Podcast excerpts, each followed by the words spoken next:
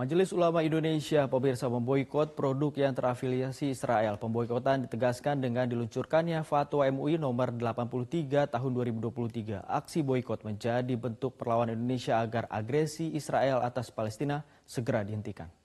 Untuk itu, MUI menghimbau agar masyarakat Indonesia tidak lagi memakai produk terafiliasi Israel dan beralih menggunakan produk lokal.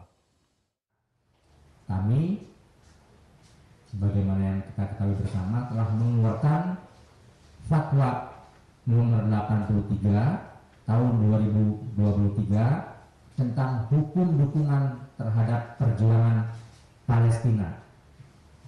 Ini adalah wujud dukungan nyata dari ulama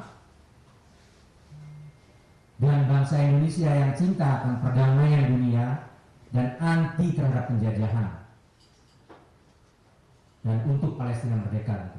Kami mengajak seluruh masyarakat Indonesia yang menjunjung tinggi nilai-nilai kemanusiaan, jadi tidak sebatas pada umat Islam, untuk stop minum, makan, dan menggunakan produk yang terafiliasi dengan Zionis Israel. Jelajahi cara baru mendapatkan informasi. Download Metro TV Extend sekarang.